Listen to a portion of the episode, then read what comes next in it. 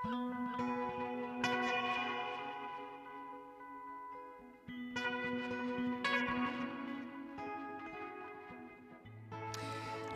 að töfrum íslensku bókmentavelunin, Kópavóks krónika og Tíkin í Víðsjá í dag.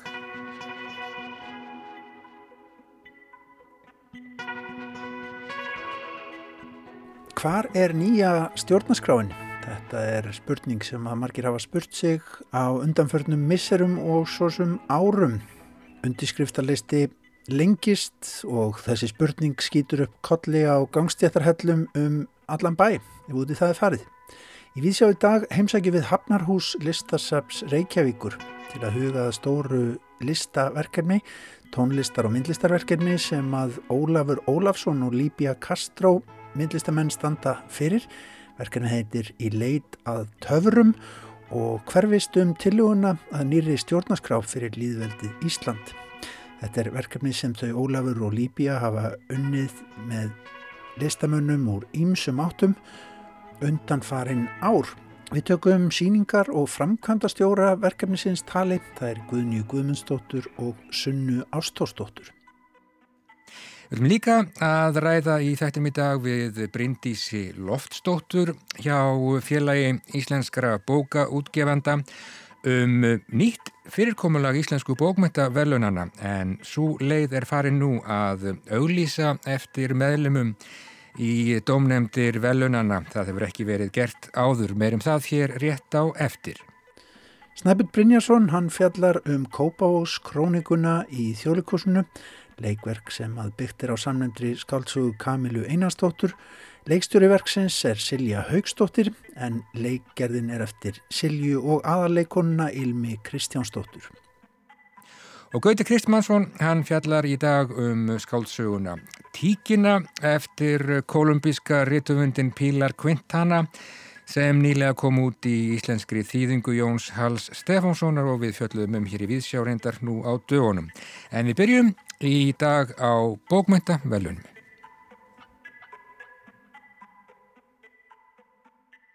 Það er verið að breyta uh, fyrirkomulagi í íslensku bókmentavelunana eða að minnstakosti verið að breyta því hvernig um, skipað er í dómnemdir. Hinga til hefur þetta verið, já þetta hefur verið handvalið fólk og einhver tíman var nú bara hreinlega einvaldur, það var einhver einn aðli sem að réði öllu saman en venjulega hafa nú verið uh, þrýr í nemdum og já þetta hefur verið handvalið af, af þeim sem að standa að þessum velunum en núna er súleið farin að auglýsa eftir domnemdar fulltrúum og já, sitt sínist nú held ég hverjum um það Bryndis Loftstóttir hjá félagi íslenskara bókaútgefenda. Hvernig, já, bara byrjum á þessari framkvæmt, hvernig, hvernig færði það þessu? Þetta var, þetta er nú svona bara tilhrön, við erum, uh, það er starfandi núna veluna nefnd innan hérna sem er að endurskoða íslensku bókmyndavelunin, það er alveg rétt. Og svo vinna er bara í gangi. Og þegar við vorum svona að fara yfir hvernig við hefum verið, eða, já, hvernig domnefndar menn hafa verið valdir að þá svona, já, svona kannski það svona dagað á okkur að, að ef til vill væru fleiri hérna í þjófélaginu sem væru til þess bærir að meta og, og já, meta hvað væru aðteglisverðustu bækur ársins heldur en bara nákvæmlega fólki sem við þekktum til. Bæðið erum við nú eh, einhvern veginn alltaf eldast og, og endur nýjum kannski ekkert svo svakalega mikil í hópi útgefanda og það er fullt af fólki sem er, uh, raun, er, er, er nám til dæmis í rítlist hér í háskólanum og, og, og sagt, það, því hefur fleikt svo fram og svo er fullt af ungu fólki sem hefur lært erlendis, ímislegt varðandi bókmyndir eða bara ekki Þannig að við hérna svona fabuleruðum eitthvað um það hvort við, hvort við ætlum að reyna að leita aðeins út fyrir okkar svona nær umhverfi mm -hmm. Og ákvaðum svo bara að fara alla leið og, og, og auglýsa á svona frekar hæðurskan hátt svona bara á, á Facebook og, og kannski eitthvað, eitthvað aðeins í fjölmjölum ef, ef við næðum því eh, eftir áhuga sumum einstaklingum til að starfa í þessum nefndum. Og til að gera langarsögu stutta þá komu viðbröðun okkur skemmtilega og óvart því að það voru 273 einstaklingar sem að sóttu um að komast í þessar nefndir og það sem var eiginlega ennþá skemmtilegra og, og, og hérna eiginlega kom við okkur öll, það var að fara yfir þessar umsóknir vegna þess að þetta voru svo ástriðu fullir bókaunnendur og lestrarhestar og flott fólk að hérna við áttum í mesta basli með að velja á endanum þessa nýju einstaklinga sem að nú eru að hefja störf. Já. Sko, um, við erum fá íslendingar og maður getur kannski ímyndið að segja að það sé nú ekkert sérlega auðvelt að manna svona nefndir ár eftir ár og kannski eru við á einhverjum tímapunkti bara komin, komin ringin og þurfum að fara að velja sama fólkið. Spilar það eitthvað inn í þetta? Já, það gerir það, það gerir það og, og hérna, og þetta var orðið kannski líka svolítið einsleitur hópur, uh, þetta er gríðarlega mikil vinna, Já. Uh, þetta er ofbóðslegur lestur og það eru auðvitað líka kannski spilar inn í núna bara ástandi, það er, fólk er hérna, það eru fleiri uh, sem hafa mistvinnu eða eru konur í skert starfslutfall, hafa tíma til þess að sinna þessu, en við erum kannski, kannski má klaga okkur fyrir að vera svolítið tækifæri sinnuð, en hérna vegna þess að þetta er svo mikill lestur þá, er, þá var kannski á, á, á í sumum nefndum var meðalaldurinn og svolítið hár þannig vorum við að nýta okkur fólk sem var kannski við það að fara að hætta störfum eða eitthvað slíkt en við viljum að nefndirnar endur spekli svona breyðan hóp Já. lesenda. Nákvæmlega. Sko hvernig, hvað með svona hefniskröfur, hvaða, já, hvaða kriterjur notuðu eiginlega þegar þið voru að fara yfir, yfir uh, umsóknirnar, mentun, reynsla eða var nóg að vera læs? Það er auðvitað grunnskilirði að vera læs og hafa ánægju af, af, af lestri bóka. En ég held nú að mentunarstig þeirra sem að þarna sótt um var langt fyrir ofan það sem við byggumst við og, og fjölbreytileg mentun. Já. Það var það sem var svo skemmtilegt. Við höfum kannski verið svolítið föst í, í fólki sem að hefur mentun, eh, já, þeirra bakgrunnur kemur úr íslenskunni eða bókmyndafræðinni en við, og, og, og já, það er svona kannski sterkast, en þarna gátum við eiginlega valið úr ótrúlega fjölbreytri mentun. Þeir sem hafa talað illa um íslensku bókmyndavelunin, þeir hafa kallað þau svona, hvað ég að segja, söluvelun eða markaðsvelun, einhvers konar. Þú ert ekkert hrætt við það að, að með þessari ráðstöfun ykkar nú og þið séu með einhverjum hætti að, já, gjaldfella þessi velun, fagmennska sé á einhverju leiti á, á undanhaldi eða hvað? Ég, nei, bara, það kvartlar ekki að mér. Nei. Það kvartlar ekki að mér. Uh, við erum að velja aðteglisverðustu bækurnar. Það kemur skýrt fram í reglum um þessi velun, ekki bestu bækurnar heldur aðteglisverðustu. Og ég er búin að hitta tvær af þessum þrem nefndum nú þegar og þau eru alveg með þetta á kristaltæru. Já. Þannig að hérna, e, þá höfum við bara farið beint í bóksalana væntanlega og fyllt nefndirnar. Já.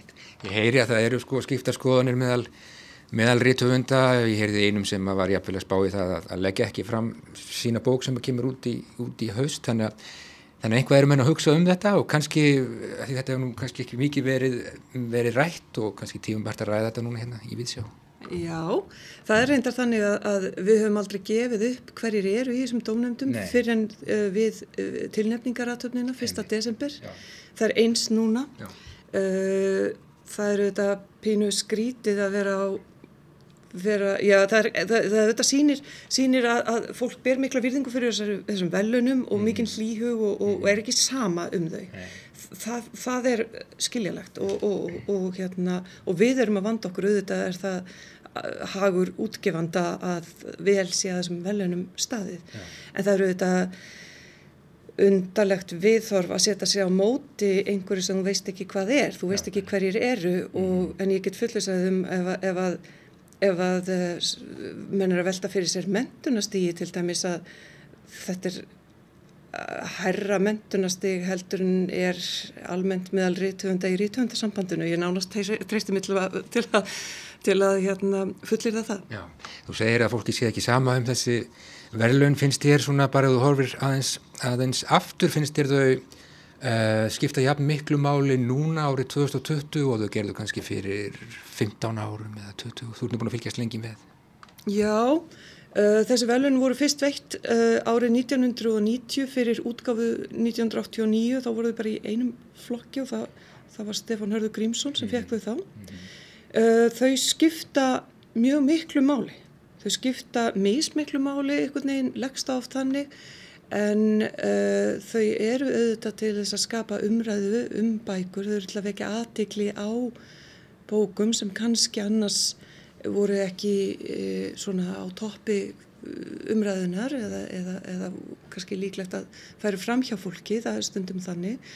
Við bættum við árið 2013 barnabóka, barna- og ungmennabókaflokki, það hefur uh, skipt verulegu máli, uh, bæði, bæði í sölu og, og bara til að vekja aðtegli og áhuga fjölmila og, og, og fleiri. Mm -hmm. Þannig að já, þau skipta máli, engi spurning. Já og þetta skref sem að þið stýði núna það er ekkit svona svo hugsun er ekkert þar að baki að, að mögulega komi svona hvað ég segja já, sölumænlegri bækur út úr, út úr listunum Ég hef ekki að segja bara við höfum verið að styrkja og efla þá brú sem á að vera á milli bóka og höfunda og lesenda. Já, bara svona undir lokin Bryndis uh, bókaflóðið framundan eða við vona á, á góðu heldurðu, þú, þú veist meira en ég? Ég, veistu það, þetta leggst hann í mig, þetta er, þetta er magnað haust sem við erum að upplifa, mm -hmm. allir að njóta haustlítana mm -hmm.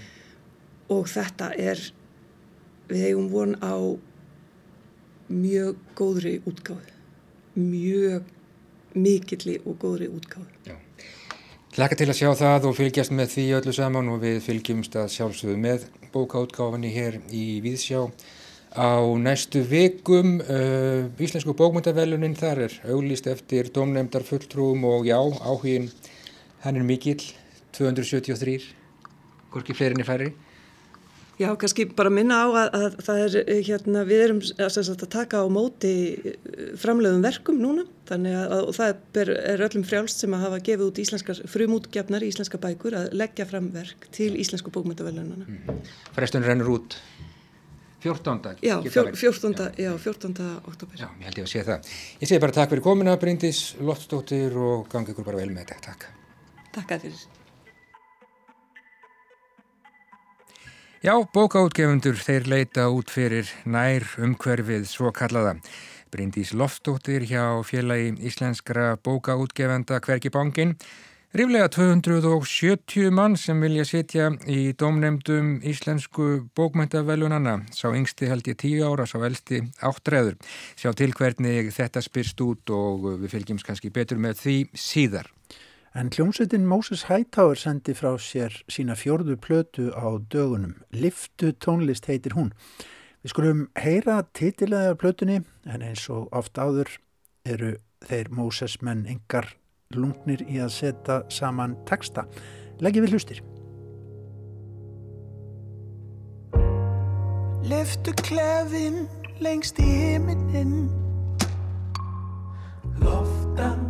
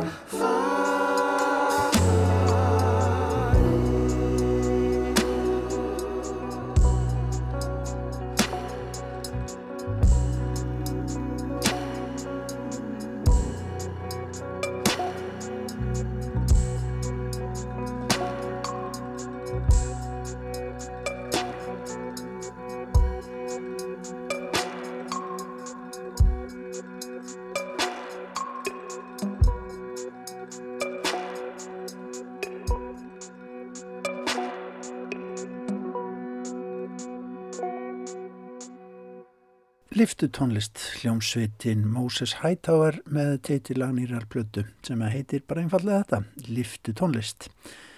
En það er ekkit kastað til höndunum hins vegar við smíð þeirrar tónlistar. Við ætlum hins vegar að fara hér í vísjá úr liftunni og í þjólikúsið því að þangað fór Snæbjörn Brynjarsson á dögunum til þess að sjá nýtt leikverk Kópavóks króningu sem að byggt er á samnefndri skáltsugu Kamilu Einarstóttur, leikstjóri Silja Haugstóttir en leikgerðin er eftir Silju og aðarleikonuna Ilmi Kristjánsdóttur. Við skulum heyra hvað Snæbjörn hefur merkið að segja. Árið 2018 kom út skáldsaga búinn þeim óvinnilegu og sjálfgjafu eiginleikum að hrista vel upp í lesandunum með því að byrta texta á prenti sem lístu hlutum sem ekki hafi verið sagt frá áður í íslenskum bókmöntum. Í það minnsta ekki á þennan tiltekna máta. Í henni eru afkymar mannlífsins í Kópavogi kannaðir og sagt frá ástarlífi einstæðrar móður á hispurslausan máta. Í bókinni áarpar móðirinn dóttur sína og segir frá bólfurum og fíknefna neyslu.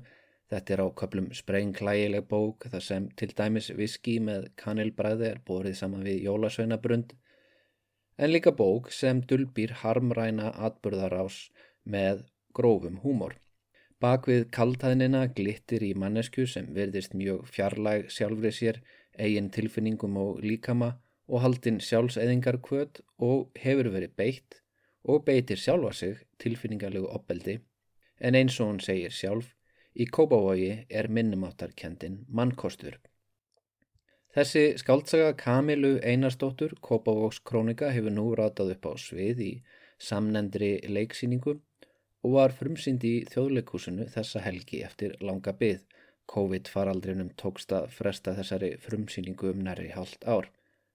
Höfundar leikgerðar eru Ilmur Kristjánsdóttir og Silja Haugsdóttir en Ilmur fer einnig með aðalhutverkið og Silja leikstýrir verkinu. Með þeim til Hals og Trausts eru Arnmundur Ernst Backmann í öllum Karl hlutverkum og Þórei Birgisdóttir í öllum auka kvenn hlutverkjum. Þau byrtast á sviðinu til að sviðsetja lýsingar sögukonunar, Arnmundur fyrst og fremst til að leika mismunandi elskuga, ímyndaða og raunverulega, en Þórei sem ímsar vinkonur og keppinautar. Sigriður Sunna Reynisdóttir hannaði leikmynd og búninga, Jóhann Bjarni Pálmásson sá um lýsingum, hljóðmynd var í höndum Kristján Sigmundar Einarssonar og hip-hop listamæðurinn auður samti tónlistina. En hvernig tókst þessum hópi til með að gera bókina að leikverki? Arnmundur stendur sig príðilega í að holdgera gaurana sem verða á vegi sögukonunar. Hann er mátulega sjármerandi, nördarlegur og sannfærandi í hlutverki þessara sjálfselsku durta. Þórei á einni mjög fína spretti í síningunni en burðarhlutverk síningarinnar er sögukonan sem Ilmur leikur. Bókin er frásögn móður til dóttur og leikritið breytir því ekki, sögukonan er ávalt miðpuntur og fókus verksins. Að sumuleiti er þetta eins og þunglindari og drikkveldari útgáfa af bandarísku þáttarseríunni Hvernig ég hitti móður þína eða How I Met Your Mother á frummálinu. þar sem foreldrið opimberar í full miklum smáatriðum alla sína bresti og sjálfs Eva. Ilmur er ekki óvinn því að halda uppi einleikjum og það er ekki ósangjart að tala um krónikuna sem einleik með uppbrótum, frekar en leikrit með löngum eintölum. En hvernig sem við lítum á það þá, þá er sögukonan svo sem ber verkið. Ilmi festa vel úr hendi, það, þetta er greinilega saga sem hún hefur gaman af að segja og það smitast til áhörfenda. Hljóðmynd og tónlist passa ágætlega við verkið. Sigriður Sunna var með skemmtilegt búningaval sem hæfði húmor sögunar og steipugrá jökulblá sviðsmyndin með torfunu í miðju fangaði þessa skemmtilegu blöndu af þjóðulegheitum og borgar landslægi sem er í verkinu. Kópavogur umlikur allt í því, Hamraborgin háa með hurðir sínar út í tómið og þegar sögukonan kommentar á falleg trén í Kópavogustallnum sem vaksa þar sem glæbamenn voru áður teknir af lífi rifjastu upp ljótir kaplar í sögu Íslands. Þó séum við séum kyrfila í nútímanum og á djamminu legur sagfræðilegur áhugi sögukonunar í gegn og það er aðteglisvert hvaða hlýðarsögunar hún kýs að rifja upp. Til dæmis landsnefndina sem átt að bæta hag Íslandinga en var nánast einförðungu skipuð dönum og maður kemst ekki hjá því að velta fyrir sér hvort sjálfsæðingar kvöt hennar sé vegna einhvers óræðis í fortíðinni. Hvort hún sé með frásögn sinni til dóttur sinnar að reyna að slíta einhvern vítarhing sem hefur endur tekið sig kynslu eftir kynsloð því afar og ömmur barnsins eru áberandi fjárverandi í þessari sögu og við vitum ekki fyllilega af hverju. Það er ekki auðvelt að gera leikjærð upp úr frásögn í fyrstu personum og í leikskráni las ég að höfundarnir höfðu velt fyrir sér ímsum nálgunum til dæmis söngleik sem er þótti skemmtileg vangavelta en skil þó ágætlega hversögna hefðbundnari leið var farin.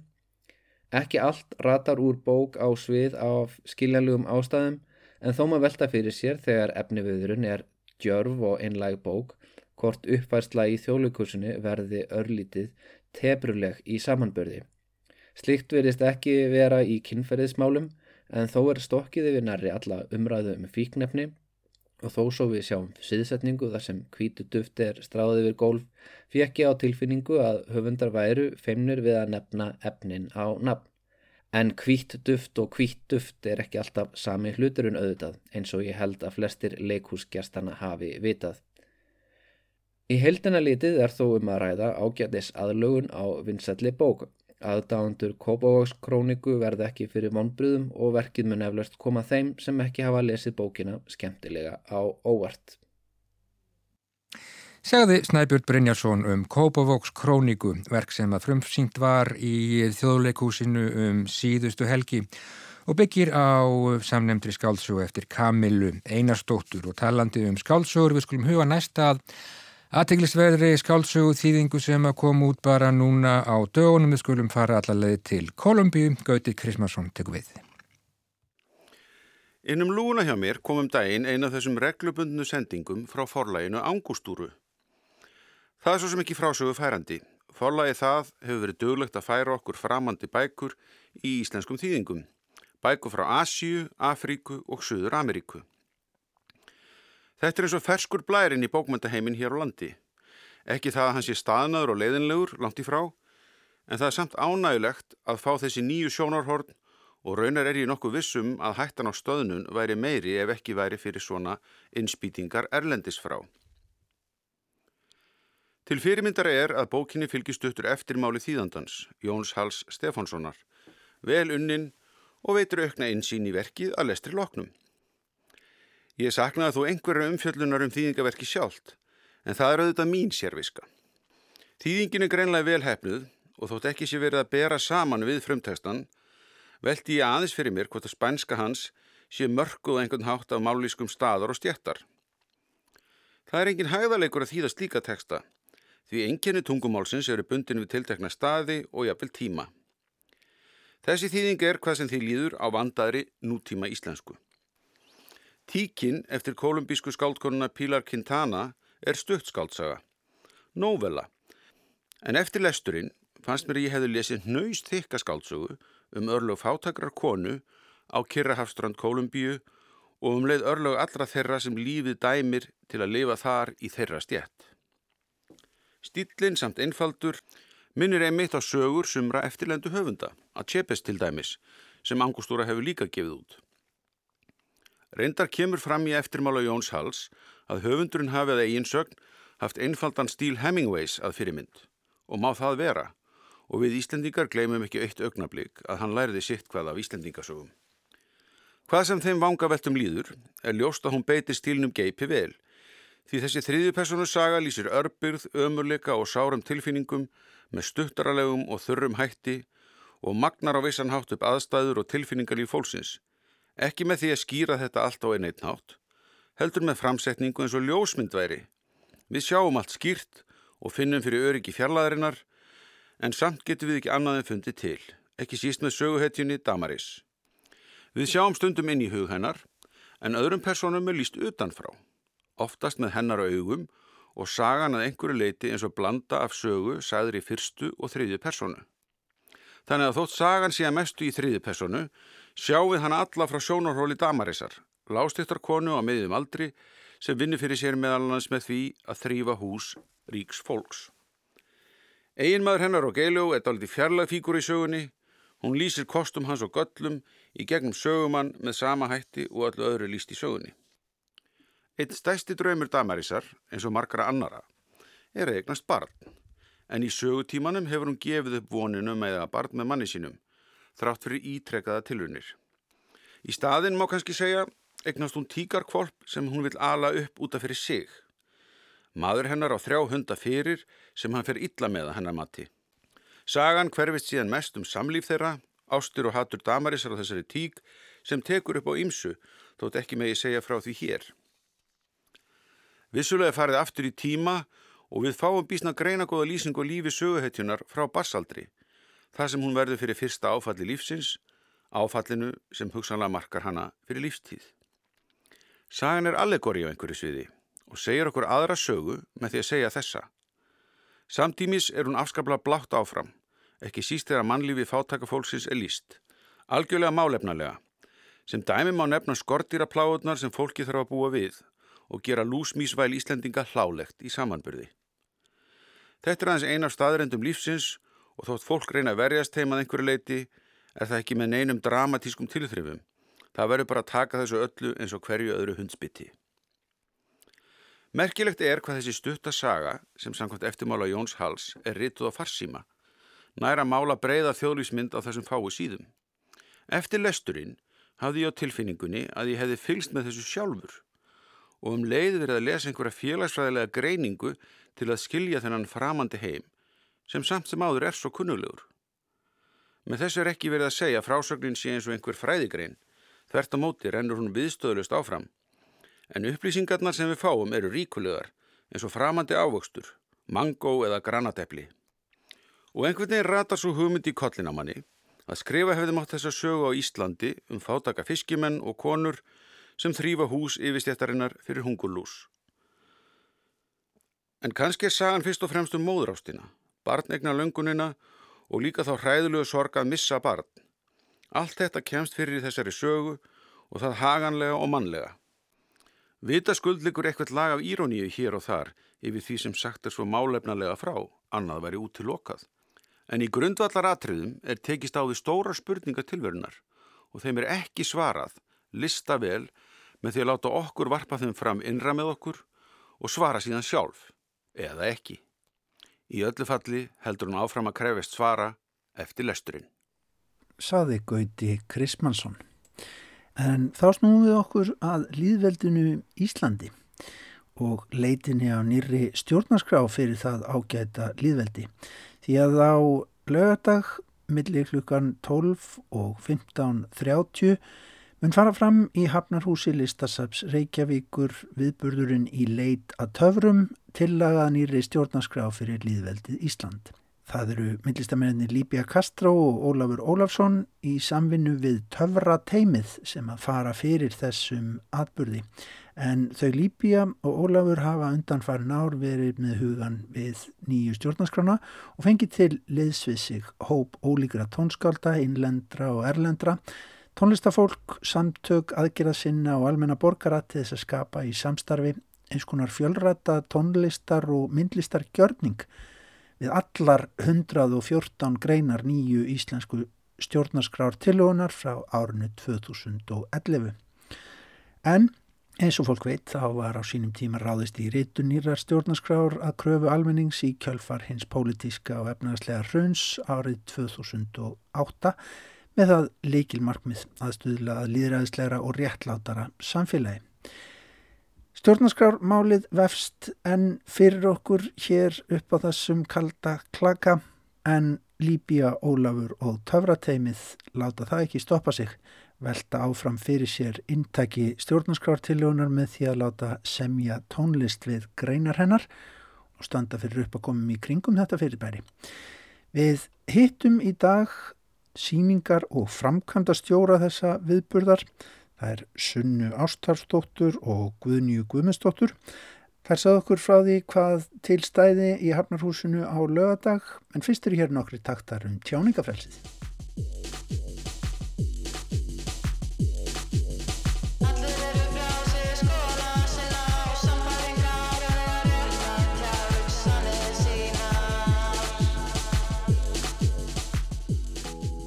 Við erum að yfirtaka portið í Hafnarhúsinu þessum að nýja stjórnaskráin eða til að nýja stjórnarskrá verið flutt í tónlistarformi. Stjórnarskráin sem var e, samþygt af þjóðinni 20. oktober 2012 og hefur ekki enn verið tekinn fyrir af alþingi. Þannig að við höfum, eða við hópurinn þá e, Ólafur Ólafsson, Líbja Castro og Töfra Teimið höfum samið e, tónlist og fengið til liðs við okkur fjöldan allan af e, tón, e, tónskáldum og flytjendum bæði íslenskum og erlendum fólki sem býr á landinu og líka einhverju sem hafa búið hér og búa hér ekki lengur. Og saman höfum við í rauninni líkt eftir þessu ferli sem að var þegar að stjórnarskráin sjálf var e, rituð. Og þetta er svona samstagsverkefni þar sem að sem flesta rattir úr samfélaginu okkar og sem flesti í rauninni já, rattir, jáðarhópa og annar að fá að heyrast.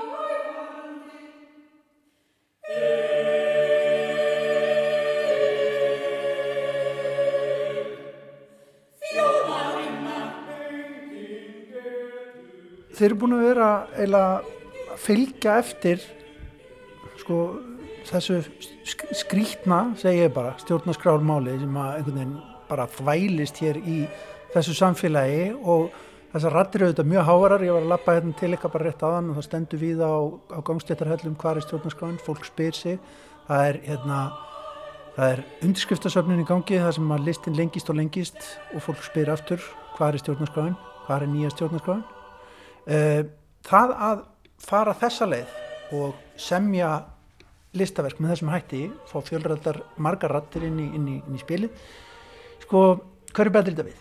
Já, við erum að pínulíti heppin kannski með e, það að verkefnið okkar sem hefur tekið mörg ári að framkvæma og já, bara rannsókn að vinna sem hefur, hefur tekið langan tíma að, eh, að þetta ásýst að núna og rétt já, senustu mistur eða vikur og mánuði þá hefur í rattirnar í samfélaginu hækkað. Það er voru ekki jafn háar fyrir kannski einu eða tveimur árum. Þannig að við erum, eh, við lendum hérna alveg frábæri, í frábæri tímasetningu að koma með þetta verkefni. Og ég held að e, við notum hérna listina til þess að vekja á, e, aðtikli á þessu máli. Það er hægt að líta á það frá mörgum sjónarhóttnum. Það sem við viljum ná, það sem við viljum ná fram er kannski bara meiri samræðu og það sé hægt að að ætti að sé ekki bara ekki eh, þagnað uh, og við fáum, fáum umræði og, um, og með hugtrifum listarinnar með, uh, með þeim áhrifamætti sem að tónlistin og myndlistin hérna í sammenningu hefur og í gegnum aktivisman að þá vonust við til að, að ná fram þeirri samræði. Ég spyr Sunnu Ástórsdóttur, hinn síninga og framkvæmdastjóra verkefnisins á samt Guðni Guðmustóttur um heiti dagskrárinnar á lögadag. Í leita töfurum tillaga að nýri stjórnarskrá fyrir lífið til Ísland. Já, Við ætlum að leita að töfrunum á lögadaginn og hér erum við að færa samfélagslegt málefni inn í heim listarinnar og öfu. Þetta er samrunni listar og, og aktivisma eða e, samfélagsumræðu. En svo Guðni saði áðan að þá er áhrifamáttur listarinnar til þess að skapa umræðu, þess að vekja aðtikli á um, málefnum og röttum sem að hafa kannski ekki fengið hljómgrunn eða, eða heyrst. Áhrifamáttur listarinnar er mikill á þeim sviðum. Mm -hmm. Þetta er eitthvað sem við ætlum að kanna saman og, og vekja aðtekli á saman í gegnum listina með e, töfrateiminu. Þetta verk er eftir e, Líbjö Karstró og Ólaf Ólafsson og töfrateimið og það eru allir sem koma að þessu verki. Og þetta er gríðarlega stór fjöldi, þetta er ekki bara listafólkið eða við Guðni sem erum að skipuleika þetta eða tónskáldin sem eru búin að semja tónlist við allar 114 greinanar eða þeir fjölmörgu flytendur sem að verða með okkur. Það eru líka áhörvendunir sem að munu upplifa verki með okkur. Það er fólki sem að munu ganga með okkur út á gödum Reykjavíkur borgar. Það er uh, allt þetta frábæra fólk sem mun hjálpa okkur á einn og annan hátt á lögatægin. Listaháttir Sækól, Listaháttir Reykjavík, listasat Reykjavíkur, við erum öll töfrateimið og við eigum öll eitthvað í þessu verki við erum með höfundar og þessi umræða hefst þar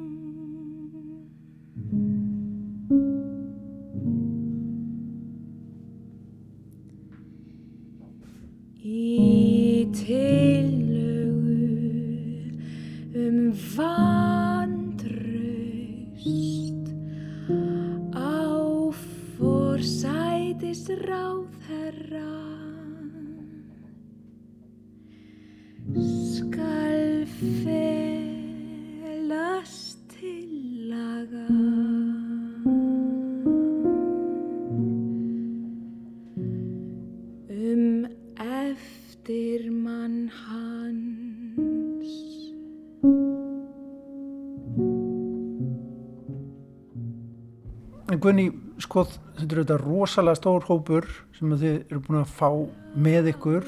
Hægt rólega og þetta er svona verkefni sem hefur búið að vera byggjast upp á undanfarnum árum.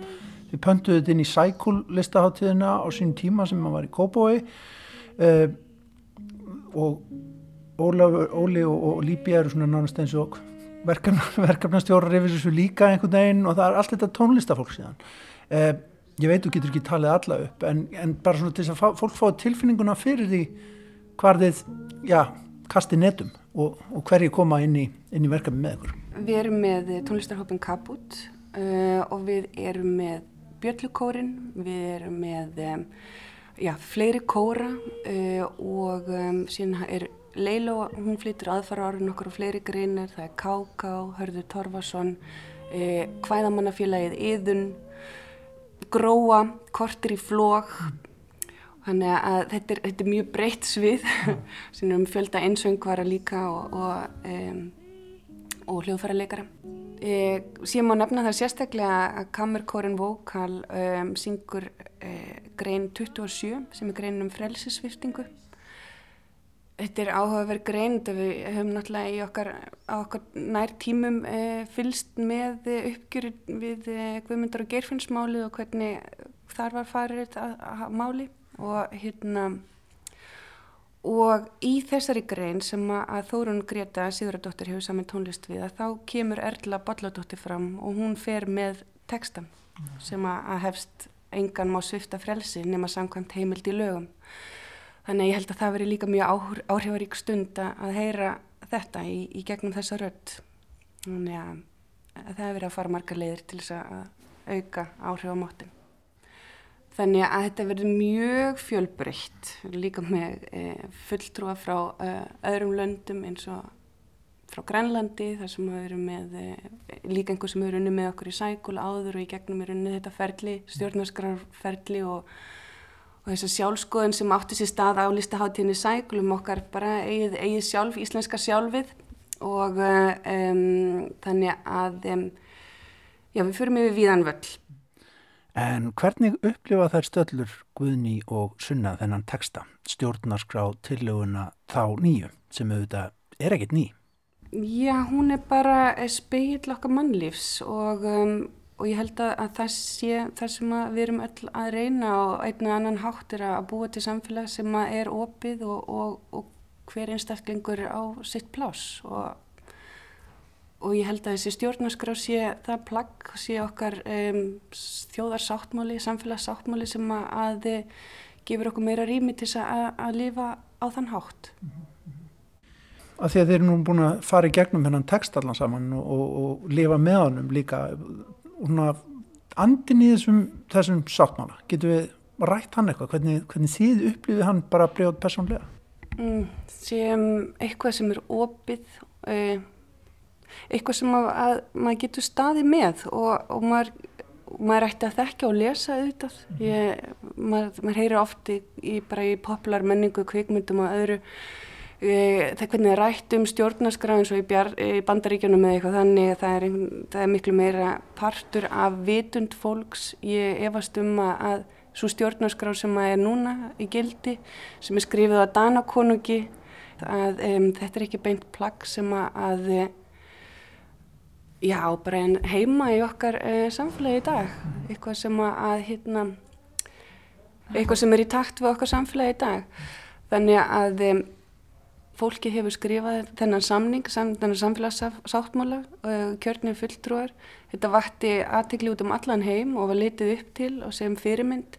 Og síðan heyrist ekkert meira, þannig að þetta byggir Önnur, önnur, um, annar hlutur sem að byggir upp ímynd Íslands út af við, hvað við séum nú frábær og gerum allt vel en, en síðan kannski heldur það ekki áfram og næri ekki fullum framgangi sem er sorglegt fyrir okkur.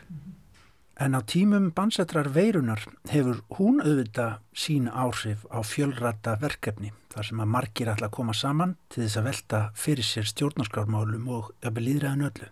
Um, við erum búin að koma okkur upp fyrirkomulagi sem er innan allra sótvarnar marka sem að líka býður upp á það að við getum tekið á móti mjög mörgum en við dreifum því yfir, uh, yfir þann tíma sem að gjörningurinn tekur. Mm.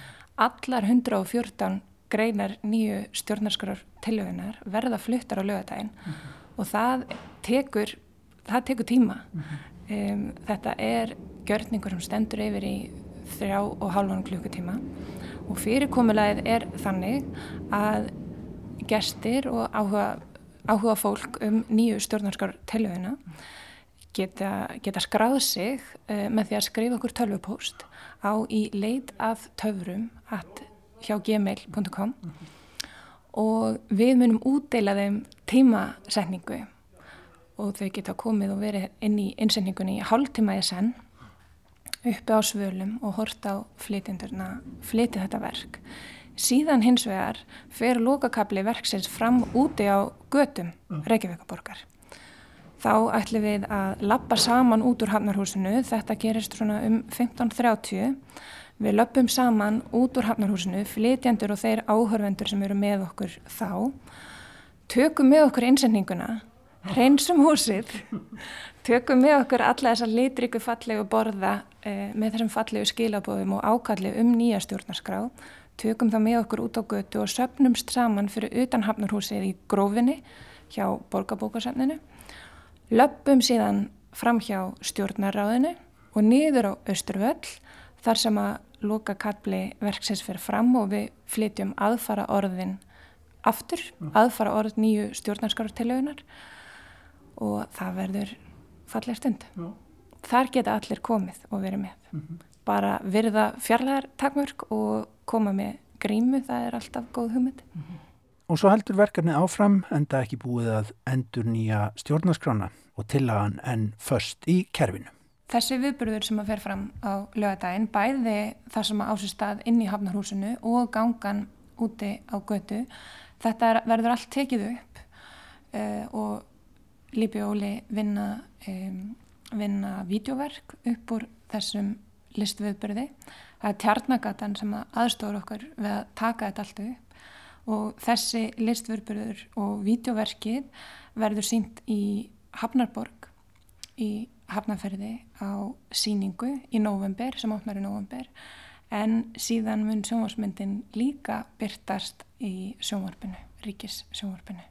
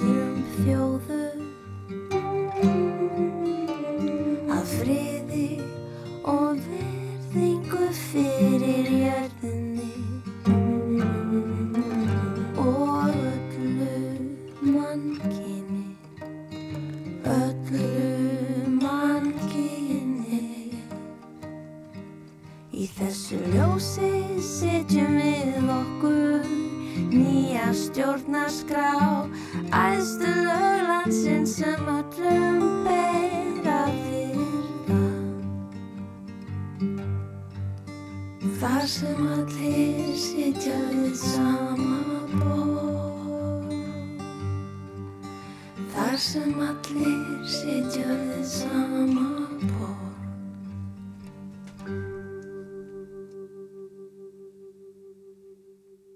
Já, góður hlustundur, þetta voru aðfarar orð stjórnarskrártilugunar frá árinu 2011.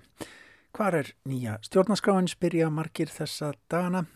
Að þetta var auðvitað söngkunan Leiló eins og hlustendur þekktu. Nýtt lag frá henni sem hún var svo elskulega að leifa hlustendum að njúta. Glæni demo upptaka þarna á ferðinni við þennan merkilega teksta. Þar á undan rættum við við síningar og framkvæmdastjóra verkefninsins í leitað töfrum til að nýri stjórnarskraf fyrir Líðveldi Ísland.